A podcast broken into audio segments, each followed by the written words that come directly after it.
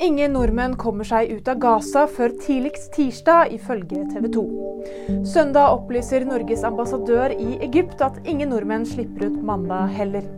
Over 200 norske borgere befinner seg på Gazastripen, og over halvparten av disse er barn. Gisselsituasjonen på flyplassen i Hamburg er over. Flyplassen ble stengt etter at en bevæpnet mann kjørte inn på området i åttetiden lørdag kveld. Ifølge politiet hadde mannen sin fire år gamle datter i bilen. Søndag ettermiddag melder politiet at mannen har gått ut av bilen og at han er pågrepet.